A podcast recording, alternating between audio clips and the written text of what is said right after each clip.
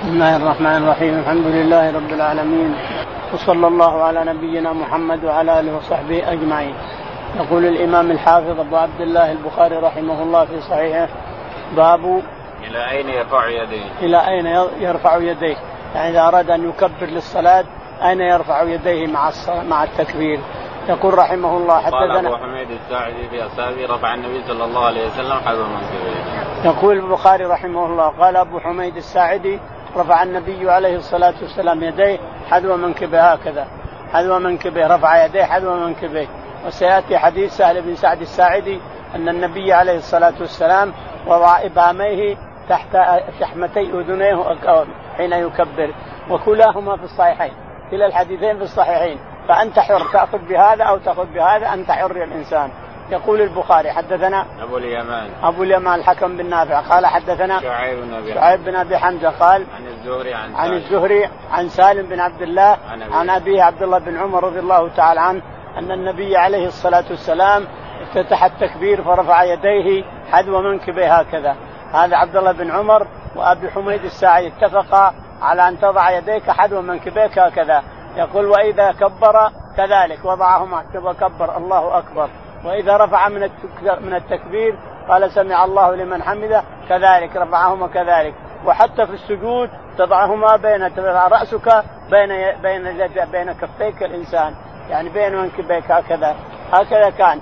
وأما في السجود والرفع من السجود فلا يرفع يديه عليه الصلاة والسلام. إنما في حالة وهي إذا قمت من التشهد الأول يرفع يديه عليه الصلاة والسلام وستأتي. نعم.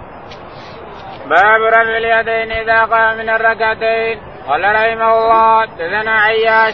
قال حدثنا عبد الأعلى. قال حدثنا عبيد الله النافع أن ابن عمر كان إذا دخل في الصلاة كبر ورفع يديه وإذا ركع رفع يديه وإذا قال سمع الله لمن حمده رفع يديه وإذا قام من الركعتين رفع يديه ورفع ذلك ابن عمر إلى نبي الله صلى الله عليه وسلم.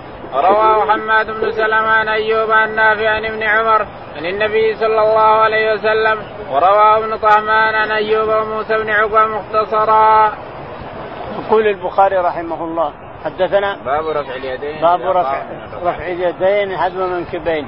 إذا قام من الركعتين إذا قام من الركعتين يعني إذا قام من التشهد الأول يرفع يديه أيضا. ثلاث رفعات في التكبير ورفع إذا قام من التشهد الأول يرفع يديه. وصفيت تتحصل لنا أربع رفعات. أربع يرفع الرسول عليه الصلاة والسلام يديه فيهما. يقول البخاري رحمه الله حدثنا عياش بن الوليد. عياش بن الوليد. قال حدثنا عبد الأعلى. عبد الأعلى. قال عن عبيد الله. عن عبيد الله عن عن نافع عن, نافع عن ابن عمر أن النبي عليه الصلاة والسلام كان يرفع يديه حينما يقوم من التشهد الأول. إذا قام من التشهد الأول رفع يديه كما يرفعهما. إذا تحصل لنا ثلاثة الأولى واحدة هنا. صار أربع حالات التي يرفع عليه الصلاة والسلام يديه فيهما. وهذه هو السنة إلى يوم القيامة. هي السنة ومن كمال الصلاة. أن ترفع يديك عند التكبير وترفع يديك عند الرفع وترفع يديك عند التكبير الركوع وعند الرفع من الركوع وعند القيام من من الركعتين. حينما تشهد الأول تشهد الأول ترفع يديك. أربع حالات. هذه من كمال الصلاة ومن سنن المرسلين. نعم. قال رواه حماد بن سلمة عن أيوب يقول البخاري مؤكدا هذا ومتابعا له رواه حماد بن سلمة. حماد له على شرطه هذا ما يروي له إنما يروي متابعات.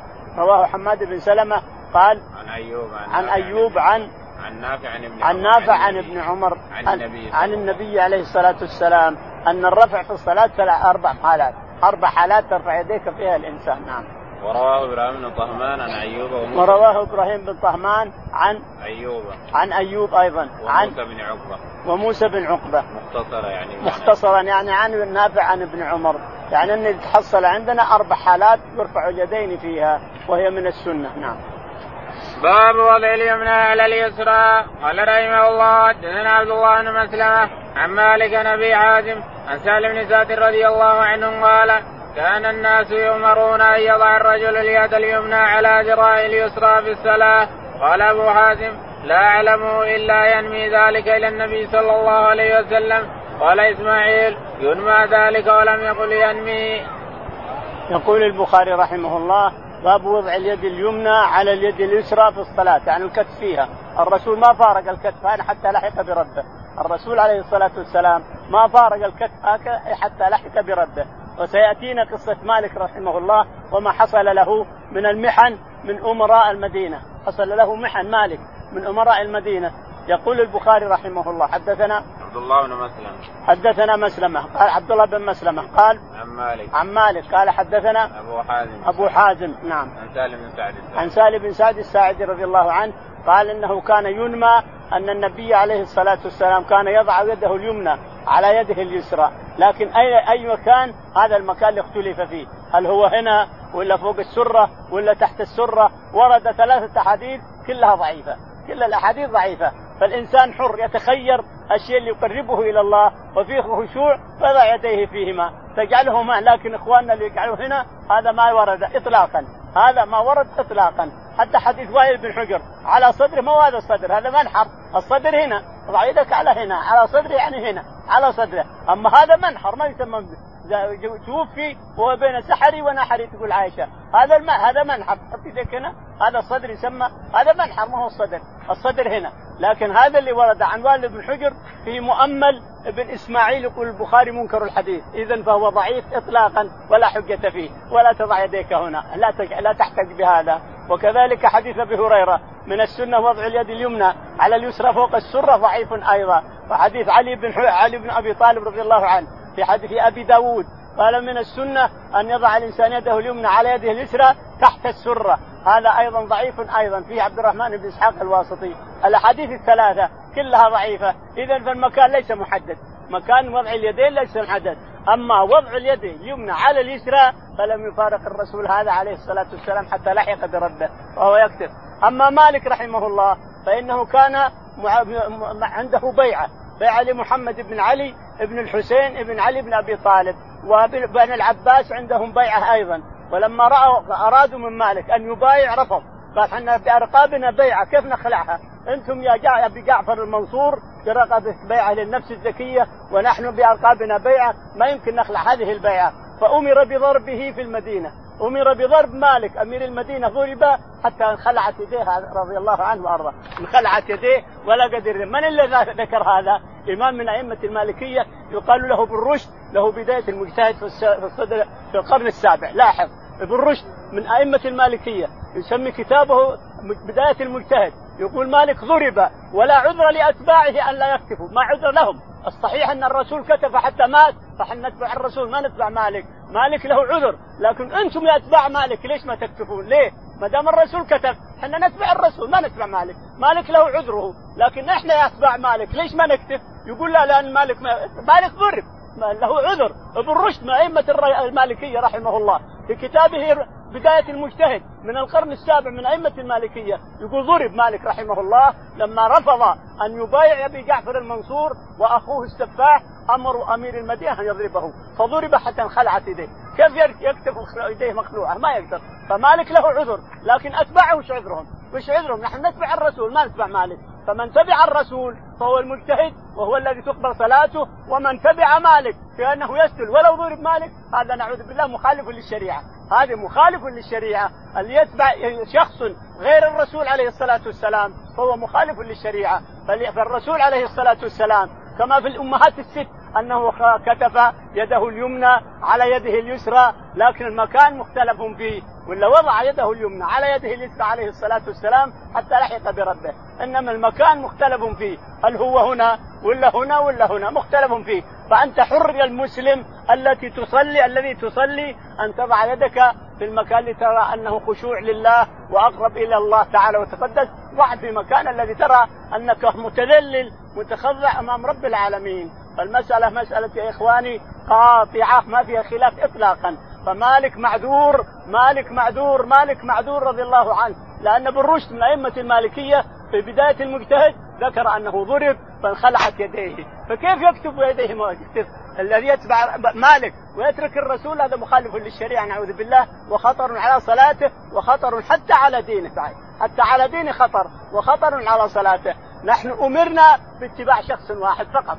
لا إمام فلان ولا الإمام فلان ولا الإمام فلان. نعم أئمتنا بنوا لنا جسور رحمهم الله ورضي عنهم. بنوا جسور المالكية بنوا جسور إلى يومنا هذا الحنفية بنوا جسور إلى يومنا هذا الشافعية بنوا جسر إلى يومنا هذا الحنابلة بنوا جسر إلى يومنا هذه ونحن مع هذه الجسور نمشي ما لم يخالف دليل من كتاب أو سنة.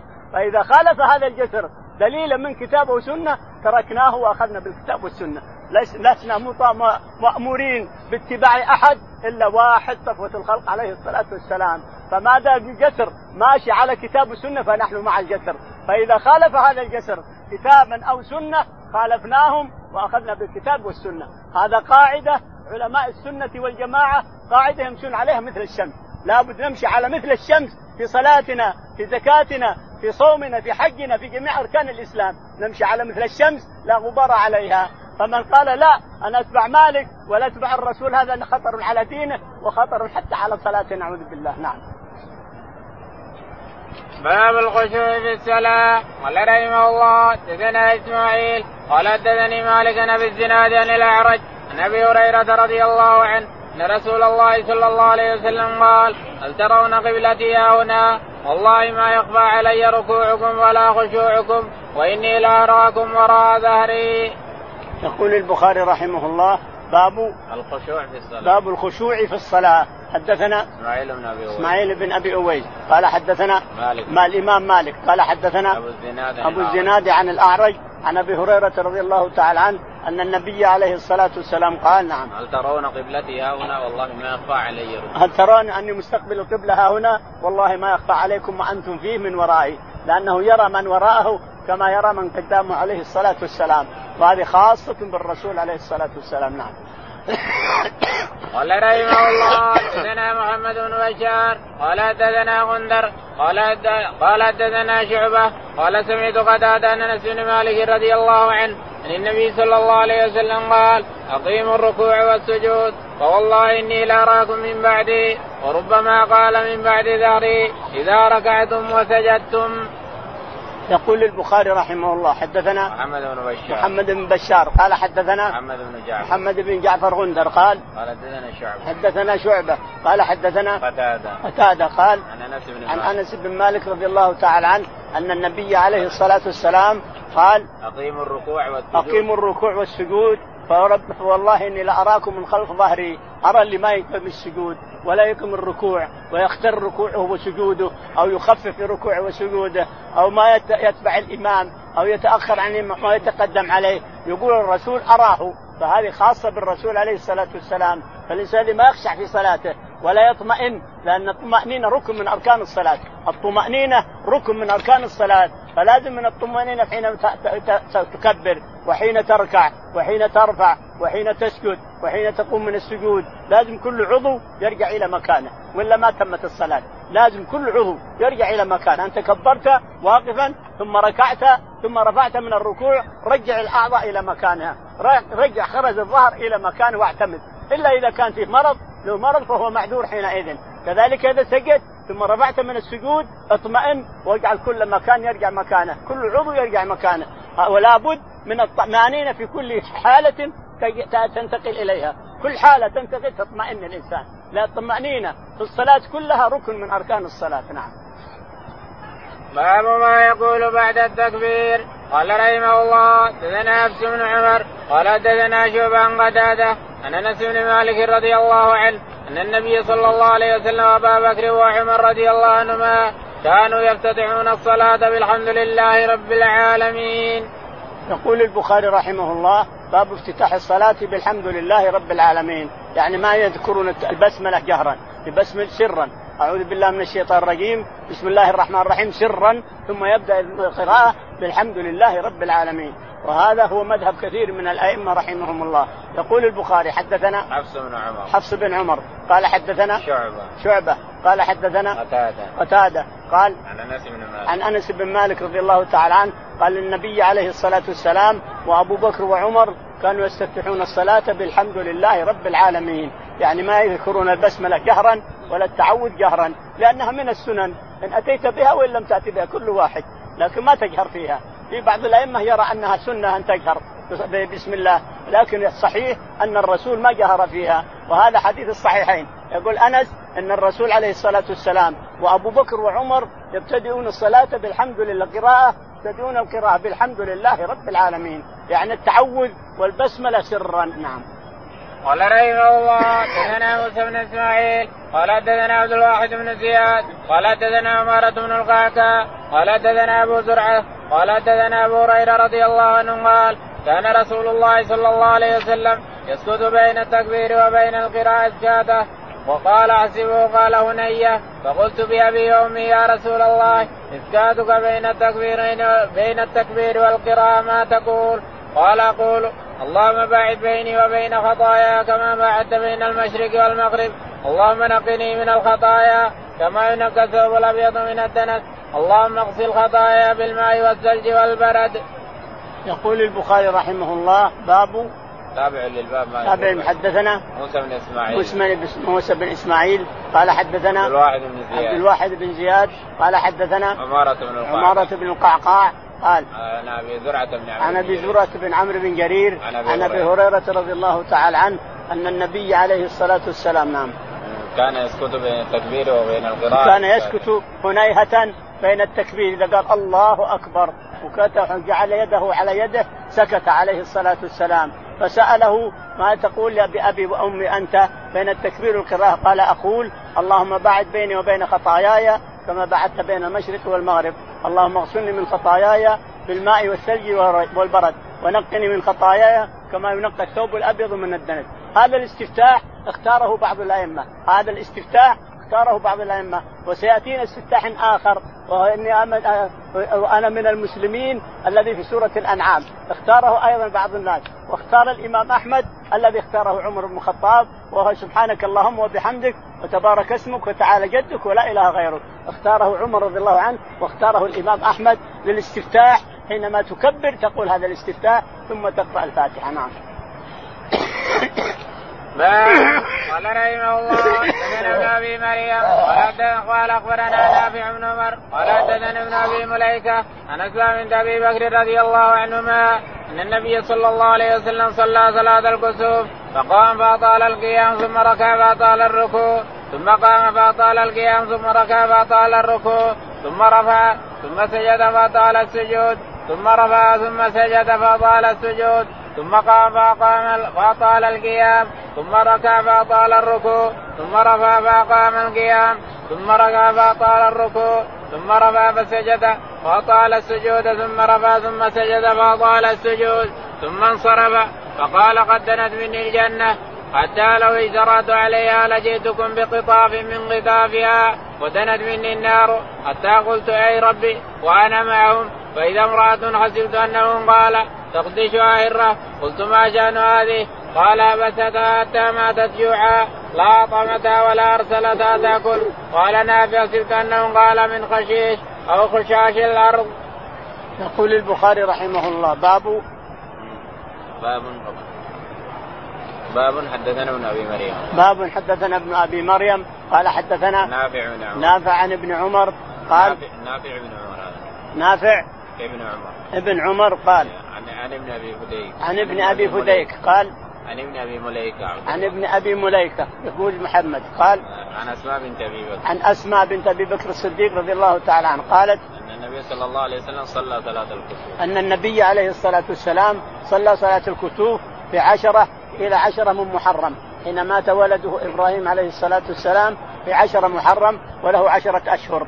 فقال الناس كسفت الشمس لإبراهيم. لأنها لا تكسف عندهم في اعتقادهم لا تكسف إلا لعظيم. فأخبر الرسول عليه الصلاة والسلام أن الشمس والقمر آيتين من آيات الله لا ينكسفان لموت أحد ولا لحياته لا لولد رسول ولا غير رسول. آيتان من آيات الله يخوف الله بهما عباده لا يكسفان لموت أحد ولا لحياته. ولكن إذا نابكم شيء منها فصلوا وادعوا حتى ينكشف ما بكم كما سيأتينا إن شاء الله في البخاري في الكسوف هنا يقول إنها كسفت الشمس تقول اسماء فصلى الرسول عليه الصلاة والسلام فقام وأطال القيام ثم ركع فأطال الركوع ثم سجد فأطال السجود ثم قام فأطال القيام ثم سجد فأطال السجود ثم قام فأطال القيام يقرأ يعني ثم ركع فأطال الركوع ثم سجد فأطال السجود ثم جلس فأطال الجلوس ثم سجد فأطال السجود إنما الركوع أطاله أكثر وأكثر. فلما انصرف قال دنت مني الجنة والنار. والله إني لو اجترأت عليها لأخذت منها قطف من العنب ولو أخذته لأكلت منه ما الدنيا.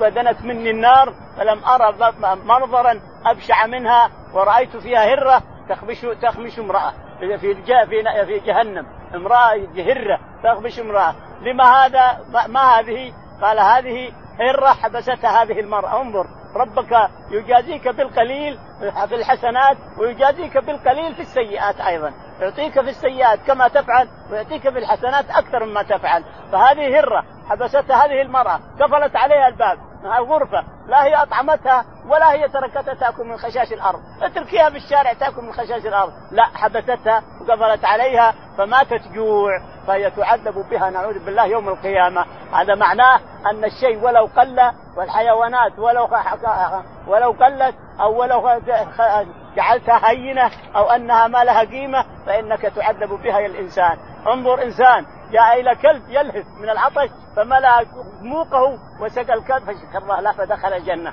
هذا الشخص ملأ موقه وسقى الكلب وهو يلهث من العطش فدخل الجنة بسببه. وهذه دخلت النار بسبب هذه الهله حبستها لا هي أطعمتها ولا تركتها تأكل من خشاش الأرض فعذبت بها نعم.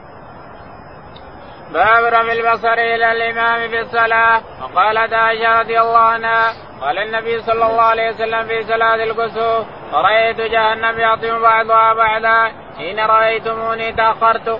قال رحمه الله دثنا موسى. قال دثنا عبد الواحد. قال دثنا الأعمش عن عمارة بن عمير عن أبي معمر أنه قال قلت لخباب رضي الله عنه أكان رسول الله صلى الله عليه وسلم يقرأ في الظهر والعصر؟ قال نعم. قلنا بما كنتم تعرفون ذلك قال باضطراب لحيته. يقول البخاري رحمه الله باب رفع البصر أو رفع الإمام إلى الإمام أو رفعه إلى السماء. يقول رحمه الله حدثنا قالت عائشة قال النبي صلى الله عليه وسلم في صلاة الكسوف رأيت جهنم يعطيه بعضها وقالت عائشة رضي الله تعالى عنها هذا شاهد الباب أن النبي عليه الصلاة والسلام يقول رأيت جهنم يحكم بعضها بعضا وجهنم فوق. معناها أنه رفع رأسه فوق فرفع الرأس الرسول عليه الصلاة والسلام حينما رفع رأسه. أما نحن فنحن مأمورين بخفض الرأس بخفض تنظر إلى سجودك الإنسان ولا تنظر إلى السماء لأنه خطر أن تخطب أبصاركم. الذين يرفعون أبصارهم في الصلاة خطر أن تخطف أبصارهم. فينظر المصلي في وقتنا هذا إلى سجوده أفضل. أما إذا كنت تحت الكعبة فإلى الجدار جدار الكعبة. إذا كنت تحت الجدار فإلى الجدار. أما هنا فتنظر إلى موضع سجودك الانسان لكن الرسول عليه الصلاة والسلام كان يرفع بصره إلى السماء لأنه ينظر إلى جهنم. وجهنم فوق والجنة فوق. فينظر إلى الجنة يريد أن يأخذ منها قط. وينظر إلى النار فرأيت منظرا أبشع منها. ورأى الهرة تخمش المرأة في وجهها. نعم. قال حدثنا موسى بن إسماعيل. يقول البخاري رحمه الله حدثنا موسى بن إسماعيل قال حدثنا عبد الواحد بن عبد الواحد بن زياد قال حدثنا الأعمش. الأعمش قال عن عمارة بن عمير. عن عمارة بن عمير قال عن أبي معمر. عن أبي معمر قال قلت لخباب اكان رسول الله صلى الله عليه وسلم يقرأ في الظهر والعصر. قال. يقول قلت لخباب بن الأرت رضي الله عنه وهو من الملاول ممن أسلم قديما وصار مع النبي عليه الصلاة والسلام وعذب مع ابن مسعود وعمار بن ياسر وغيرهم. يقول خباب كما يسأل كيف تعرفون صلاة قراءة الرسول عليه الصلاة والسلام في الظهر والعصر؟ الظهر والعصر ما فيها قراءة ما فيها غير قراءة. كيف تعرفون أنه يقرأ؟ قال باضطراب لحيته. إذا اضطربت اللحية ومشت نعرف أنه يقرأ عليه الصلاة والسلام في الظهر والعصر. نعم. قال رحمه الله دثنا حجاج قال حدثنا شوبه قال أنبأنا أبو إسحاق قال سمعت عبد الله بن يزيد رضي الله عنه يخطب قال حدثنا البراء رضي الله عنه وكان غير كذوب أنهم كانوا إذا صلوا مع النبي صلى الله عليه وسلم فرفع رأسه من الركوع قاموا قياما حتى يرونه قد سجد. يقول البخاري رحمه الله حدثنا حجاج بن منهال. حجاج بن منهال قال حدثنا شعبة قال حدثنا أبو إسحاق. أبو إسحاق قال عن عبد الله بن يزيد. عن عبد الله بن يزيد قال كان يخطب؟ قال حدثنا البراء وهو غير كذوب. يقول كان يخطب. قال حدثنا البراء بن عازب وهو غير كذوب. أن النبي عليه الصلاة والسلام نعم. أنهم كانوا إذا صلوا مع النبي صلى الله عليه وسلم فرفع راسه من الركوع قاموا قياما حتى يرونه قد سجد. يقول إنهم كانوا البراء بن عازب يقول كان الصحابة رضي الله قال كانوا يعني الصحابة من المهاجرين والأنصار كانوا رضي الله عنهم إذا رفع رأسه من الركوع عليه الصلاة والسلام وقال سمع الله لمن حمده رفعوا رؤوسهم من الركوع وقالوا ربنا ولك الحمد ولا يزالون واقفين حتى يرونه قد وصل إلى الأرض. واطمأن في الأرض أيضا. قد وصل إلى الأرض واطمأن في الأرض حينئذ يتابعونه عليه الصلاة والسلام. ما دام الإمام ما وصل إلى الأرض وسجد واطمأن ساجدا ما ما نتبعه ما نتبع حتى نراه وقع على الأرض وسجد على الأرض واطمأن على الأرض يتبعه المأمومين. نعم. قال رحمه الله حدثنا إسماعيل قال حدثني مالك عن زيد بن أسلم عن عطاء بن يسار عن عبد الله بن عباس رضي الله عنهما قال خسفت الشمس على عهد رسول الله صلى الله عليه وسلم فصلى قالوا يا رسول الله رأيناك تناول شيئا في مقامك ثم رأيناك تكاكعت قال إني أريد الجنة فتناولت منها عنقودا ولو أخذت لاكلت منها ما بقيت الدنيا. يقول البخاري رحمه الله حدثنا إسماعيل بن أبي أويس. إسماعيل بن أبي أويس قال حدثنا مالك قال حدثنا زيد بن أسلم. زيد بن أسلم. عن عطاء بن يسار. عن عطاء بن يسار عن قال ابن عباس. عن ابن عباس رضي الله عنهما أن النبي عليه أن الشمس كسفت على عهد النبي عليه الصلاة والسلام فرأوه أحيانا يتقدم وأحيانا يتأخر. فسألوه لما انصرف يا رسول الله رأيناك؟ تأخرت وتقدمت. قال إني أعطيت رأيت الجنة فلو تناولت منها عنقودا ومسكته لاكلت منه ما بقت الدنيا. ورأيت النار يحطم بعضها بعضا. ورأيت النار يحطم بعضها بعضا فتأخر. تأخر تقهقر إلى الورى عليه الصلاة والسلام. قال تعذبهم وأنا فيهم يا رب. فتأخر عنها. نعم.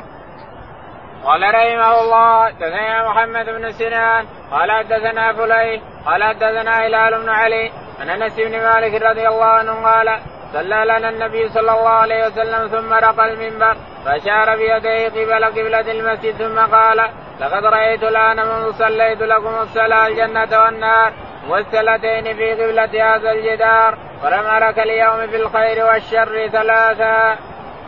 يقول رحمه الله حدثنا محمد بن سنان. محمد بن سنان قال حدثنا فليح. فليح قال حدثنا هلال بن علي. هلال بن عبد قال عن أنس بن عن مالك أنس رضي الله تعالى عنه أن النبي عليه الصلاة والسلام يقول صلى لنا النبي صلى الله عليه وسلم ثم رقى المنبر. أن النبي صلى لنا ثم رقي المنبر فأشار بيده قال إني رأيت الجنة والنار عند هذا الجدار عند هذا الجدار الجنة والنار. راهم الرسول عليه الصلاة والسلام ورأى ما فيه من الجنه من النعيم وما في النار في الجحيم يقول عند هذا الجدار يشير إليه ثلاثا هذا الجدار هذا الجدار ثلاث مرات. راى الجنة ورأى ما فيها من النعيم ورأى الجهنم وما فيها من الجحيم نعوذ بالله نعم. ولم أرك اليوم في الخير والشر. فلم أرك اليوم من الخ- في الخير والشر. خير الجنة وشر النار. نعوذ بالله. فمن أراد الخير هذا هو ومن أراد الشر هذا هو. أنت حر. هذا الخير وهذا الشر. أيهما تريد؟ تريد الجنة هذه الجنة. تريد النار هذه النار. فلم أرى اليوم كالخير والشر. أقرب منهما للإنسان. تريد الخير هذا الخير. تريد الشر هذا الشر. نعم. باب رفع البصر إلى السماء في الصلاه قال رحمه الله حدثنا علي بن عبد الله قال أخبرنا يحيى بن سعيد قال حدثنا ابن أبي عروبة قال حدثنا قتادة أن أنس بن مالك رضي الله عنه حدثهم قال قال النبي صلى الله عليه وسلم ما بال اقوام يرفعون أبصارهم إلى السماء في صلاتهم فاشتد قوله في ذلك حتى قال لينتهن عن ذلك أو لتخطفن أبصارهم. يقول البخاري رحمه الله باب النهي عن رفع البصر في الصلاة. ترفع بصرك للسماء وأن تصلي الإنسان ما هذا من الآداب الصلاة. لازم تنظر إلى قدمك الإنسان ما تحت قدمك. حدثنا علي بن عبد الله. علي بن عبد الله قال حدثنا يحيى بن سعيد. يحيى بن سعيد قال حدثنا سعيد بن أبي عروبة. حدثنا سعيد بن أبي عروبة قال قتادة. عن قتادة عن أنس بن عن مالك. أنس بن مالك رضي الله تعالى عنه أن النبي عليه الصلاة والسلام قال لينتهين أقوام عن رفع بصرهم إلى السماء في الصلاة وإلا لا تخطفن أبصارهم نعوذ بالله. يعني تهديد يخطفن البصر. يعني تنظر إلى السماء وأن تصلي ما ترجع ببصرك تصير أعمى يصيبك العمى الإنسان. عاد عمى بصيرة أو عمى بصر الله أعلم. وإلا لتخطفن أبصارهم نعم. باب الالتفات في الصلاة. قال رحمه الله دثنا مسدد قال دثنا أبو الأحوص قال دثنا شخص بن سليم عن أبيه عن مسروق عن عائشة رضي الله عنها قالت سألت رسول الله صلى الله عليه وسلم الالتفات في الصلاة فقال واختلاس يختلس الشيطان من صلاة العبد.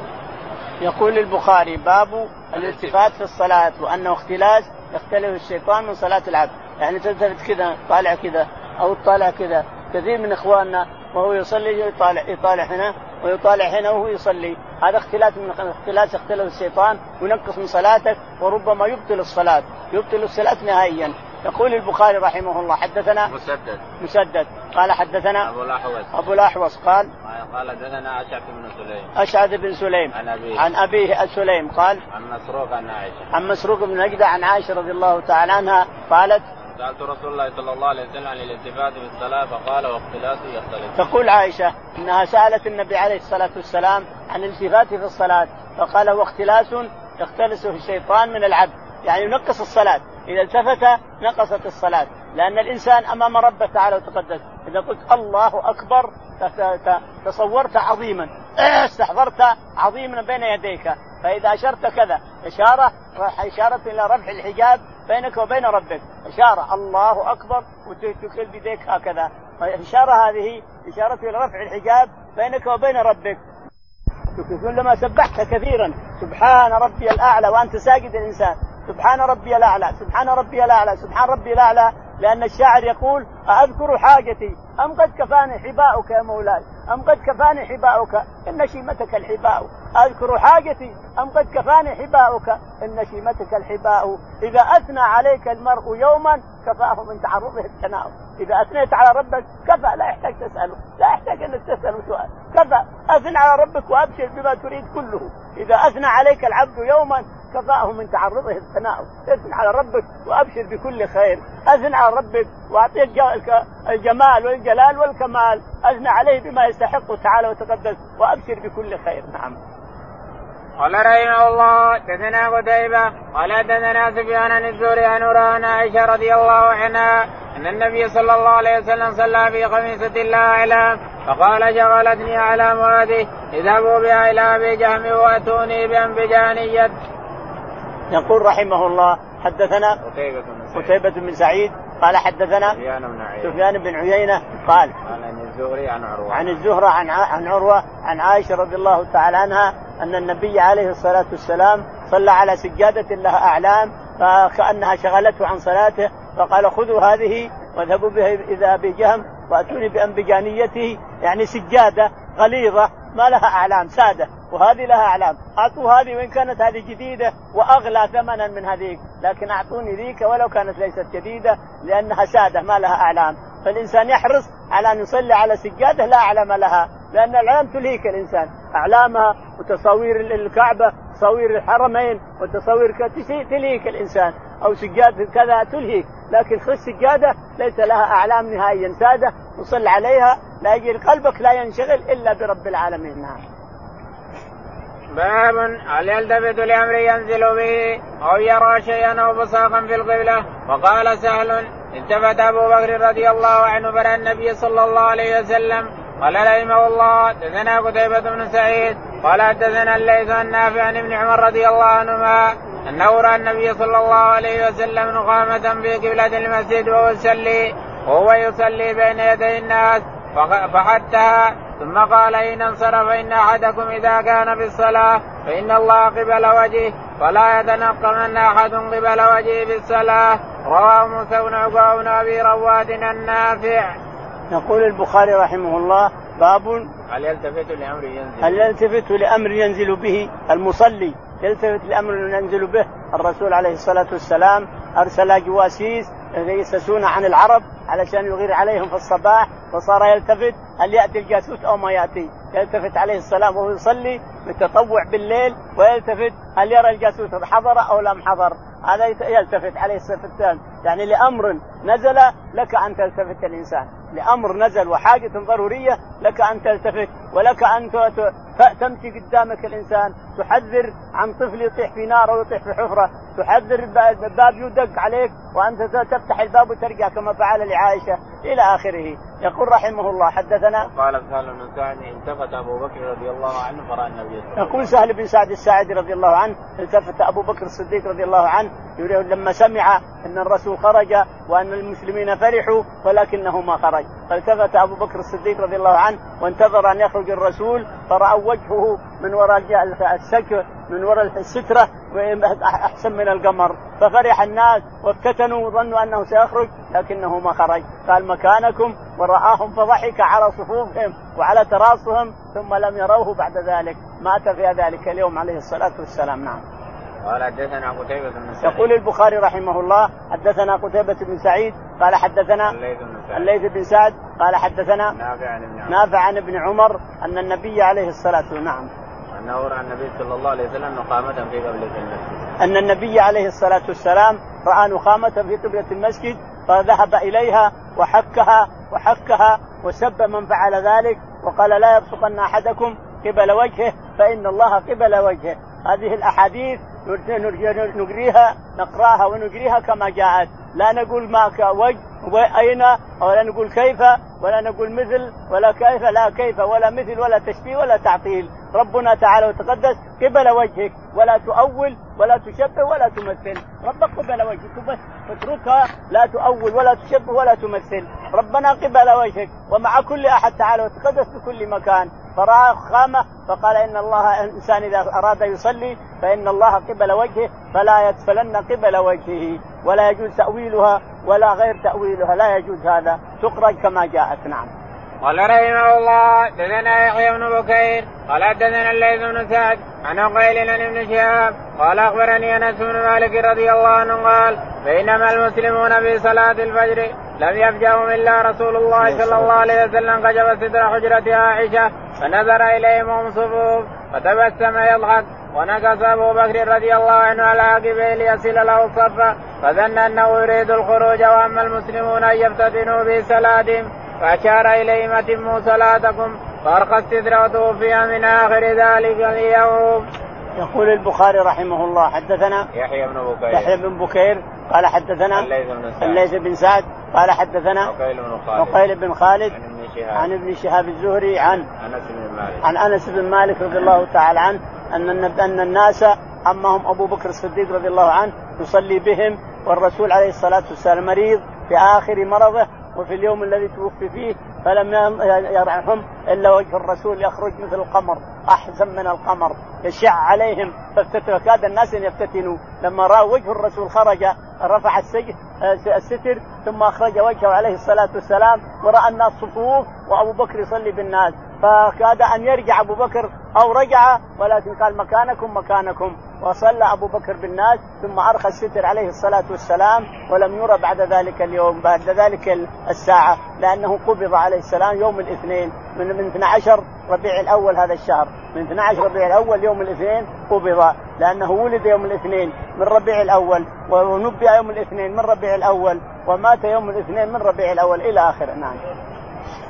باب وجوب القراءة للإمام والمأموم في الصلوات كلها في الحذر والسفر وما يجر فيها وما يخافت قال رحمه الله دثنا موسى قال حدثنا أبو عوانة قال حدثنا عبد الملك بن عمير عن جابر بن سمرة رضي الله عنه قال شكا أهل الكوفة سعد رضي الله عنه إلى عمر رضي الله عنه فعزله واستعمل عليه مما رأى فشكوا حتى ذكروا أنه لا يحسن يصلي فأرسل إليه فقال يا أبا إسحاق إن هؤلاء يزعمون أنك لا تحسن تصلي. قال أبو إسحاق أما أنا والله فإني كنت أصلي بهم صلاة رسول الله صلى الله عليه وسلم.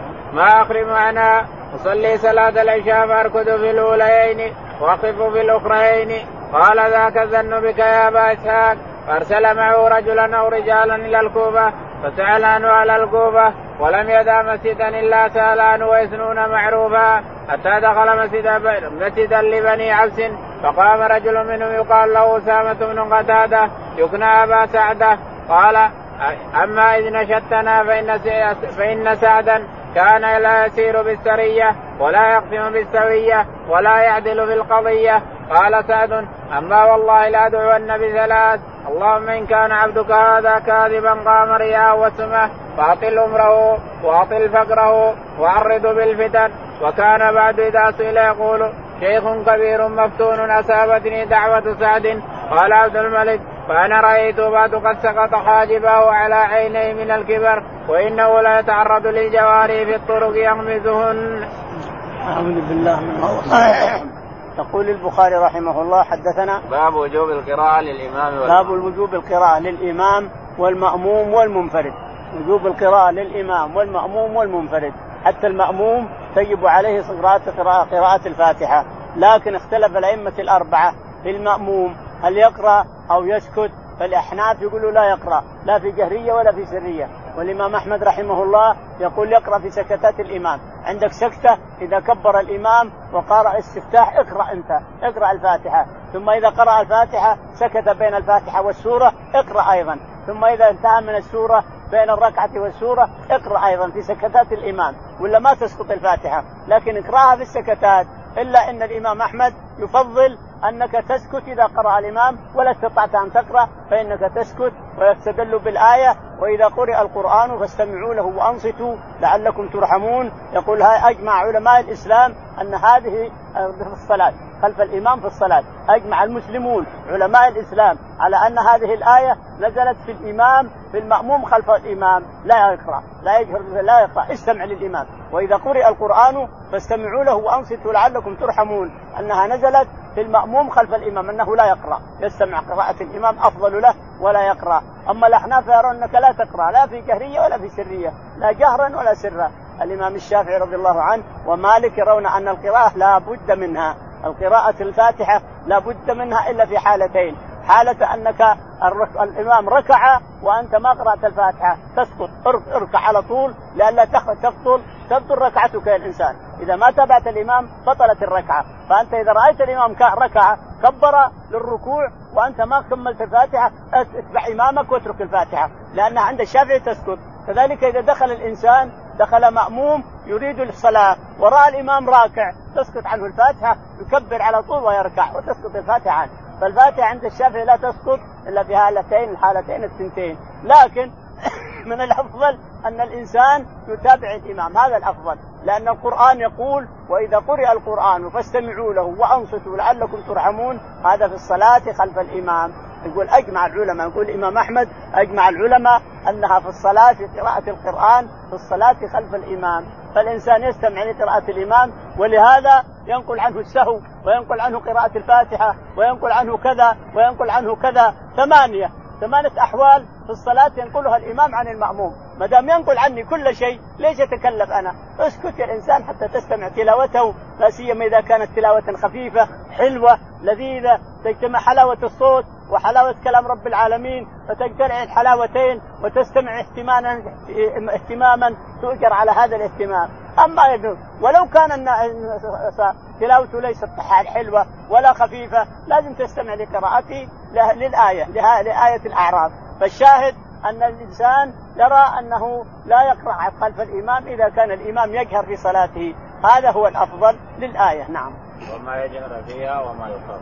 أو ما يجهر فيها وما يخافت يقول حدثنا موسى بن إسماعيل. حدثنا موسى بن إسماعيل قال حدثنا أبو عوانة. أبو عوانة قال حدثنا عبد الملك بن عمير. عبد الملك بن عمير عن جابر بن عن جابر بن عبد الله قال عن جابر بن سمرة قال شكا أهل الكوفة سعدا إلى عمر يقول إن أهل الكوفة شكا شكوا سعد. سعد كان اميرا على الكوفة لعمر بن الخطاب رضي الله عنه. كان اميرا على الكوفة سعد بن أبي وقاص وهو الذي فتح العراق كله وهو الذي بنى الكوفة والبصرة. سعد بن أبي وقاص رضي الله عنه. كان هو قائد الجيوش.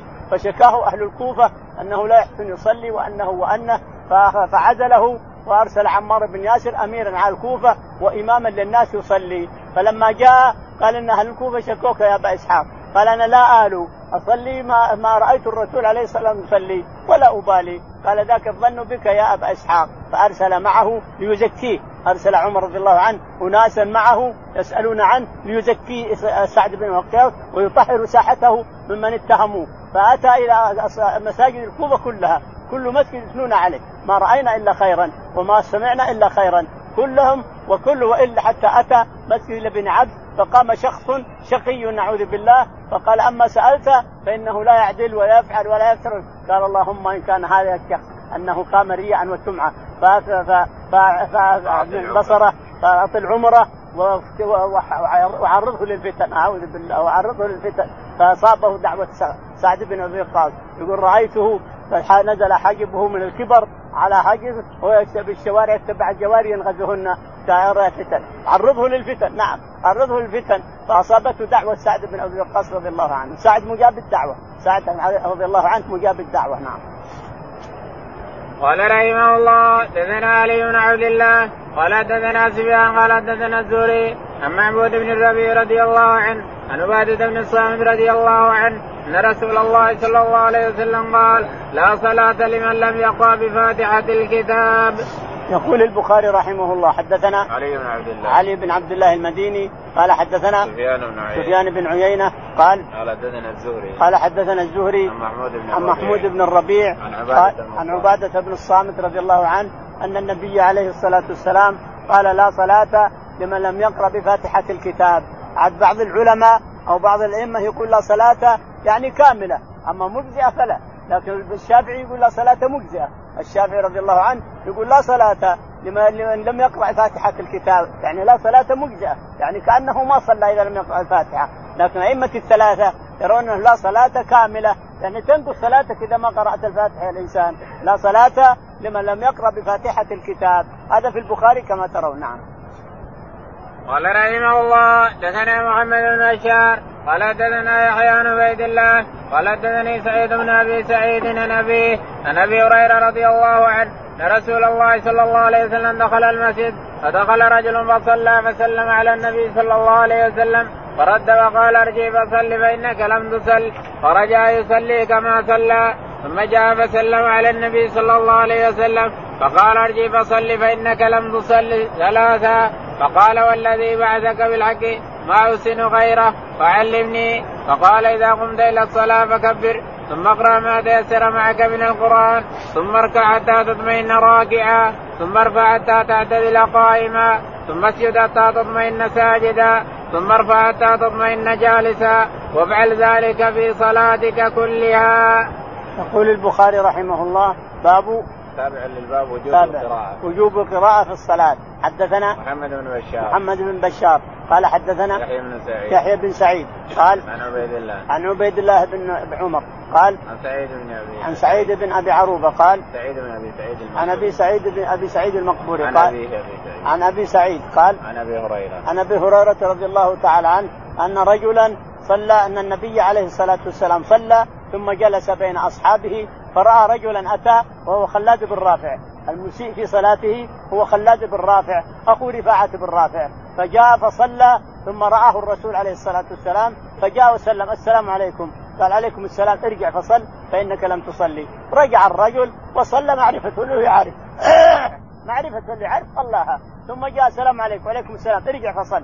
ثم رجع فصلى على المعرفة اللي صلاها الأولى ثم قال جاء وقال السلام عليكم. عليكم السلام. ارجع فصل. ثلاث مرات. في الرابعة قال يا رسول الله أنا ما أعرف أصلي غير هذا شوف اللي رأيتني أصلي اللي أعرفه. علمني. أي الرسول ينتظر السؤال. ينتظر الاستفتاء. ينتظر الاستفهام. ينتظر أن يقول ألقني أعطني. لو علمه من أول ركعة ما استفاد شيئا. لأنه إذا جاءك إنسان وسهى في صلاته أو عمل حاجة وعلمته بساعة ينسى تروح عليه. لكن اتركه لما يجي يستفتيك ويستفهم منك ويستقري منك ويتلقن أعطى حينئذ. فتركه عليه الصلاة والسلام ثلاث مرات حتى قال يا رسول الله هذه صلاتي ما أعرف غيرها. علمني. إيه إذا تعال تعال علمك قال إذا قمت إلى الصلاة فكبر ثم اطمئن ثم كبر اركع فاطمئن راكع ثم اقرأ ما تيسر معك من القرآن. لاحظ إن كان معك قرآن فاقرأ قرآن ما مع قرآن اقرأ ما تيسر. اللي تيسر يعني حصلت الفاتحة.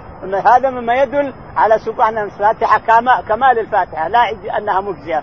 الأئمة الأربعة الثلاثة يرون أن الفاتحة كمال لا مجزئة لأنها مثل الشافعي يقول هي مجزئة اللي ما يقرأ الفاتحة. هذا الرسول قال للأعرابي اقرأ ما تيسر معك من القرآن. إن كان تعرف الفاتحة فاقرأها ما تعرف الفاتحة فاقرأ ما تيسر من القرآن. ما تعرف القرآن كله كل القرآن ما تعرفه سبح. سبحان الله والحمد لله والله أكبر. سبحان الله وبحمده سبحان الله العظيم. في السجود في القيام في الركوع في السجود في كل حالاتك. فعلمه ركعة. قال إذا اقرأ ما تيسر معنا ثم اركع حتى تطمئن راكعا ثم ارفع حتى تطمئن رافعا ثم اسجد حتى تطمئن ساجدا ثم ارفع حتى تطمئن جالسا ثم اركع حتى تطمئن ساجدا ثم افعل ذلك في صلاته. علمه ركعة واحدة قال افعل في صلاتك كلها. الأربع الصلوات افعلها كلها بهذا الشكل. فعلمه ركعة يقيس فيها على الصلاة كلها. نعم.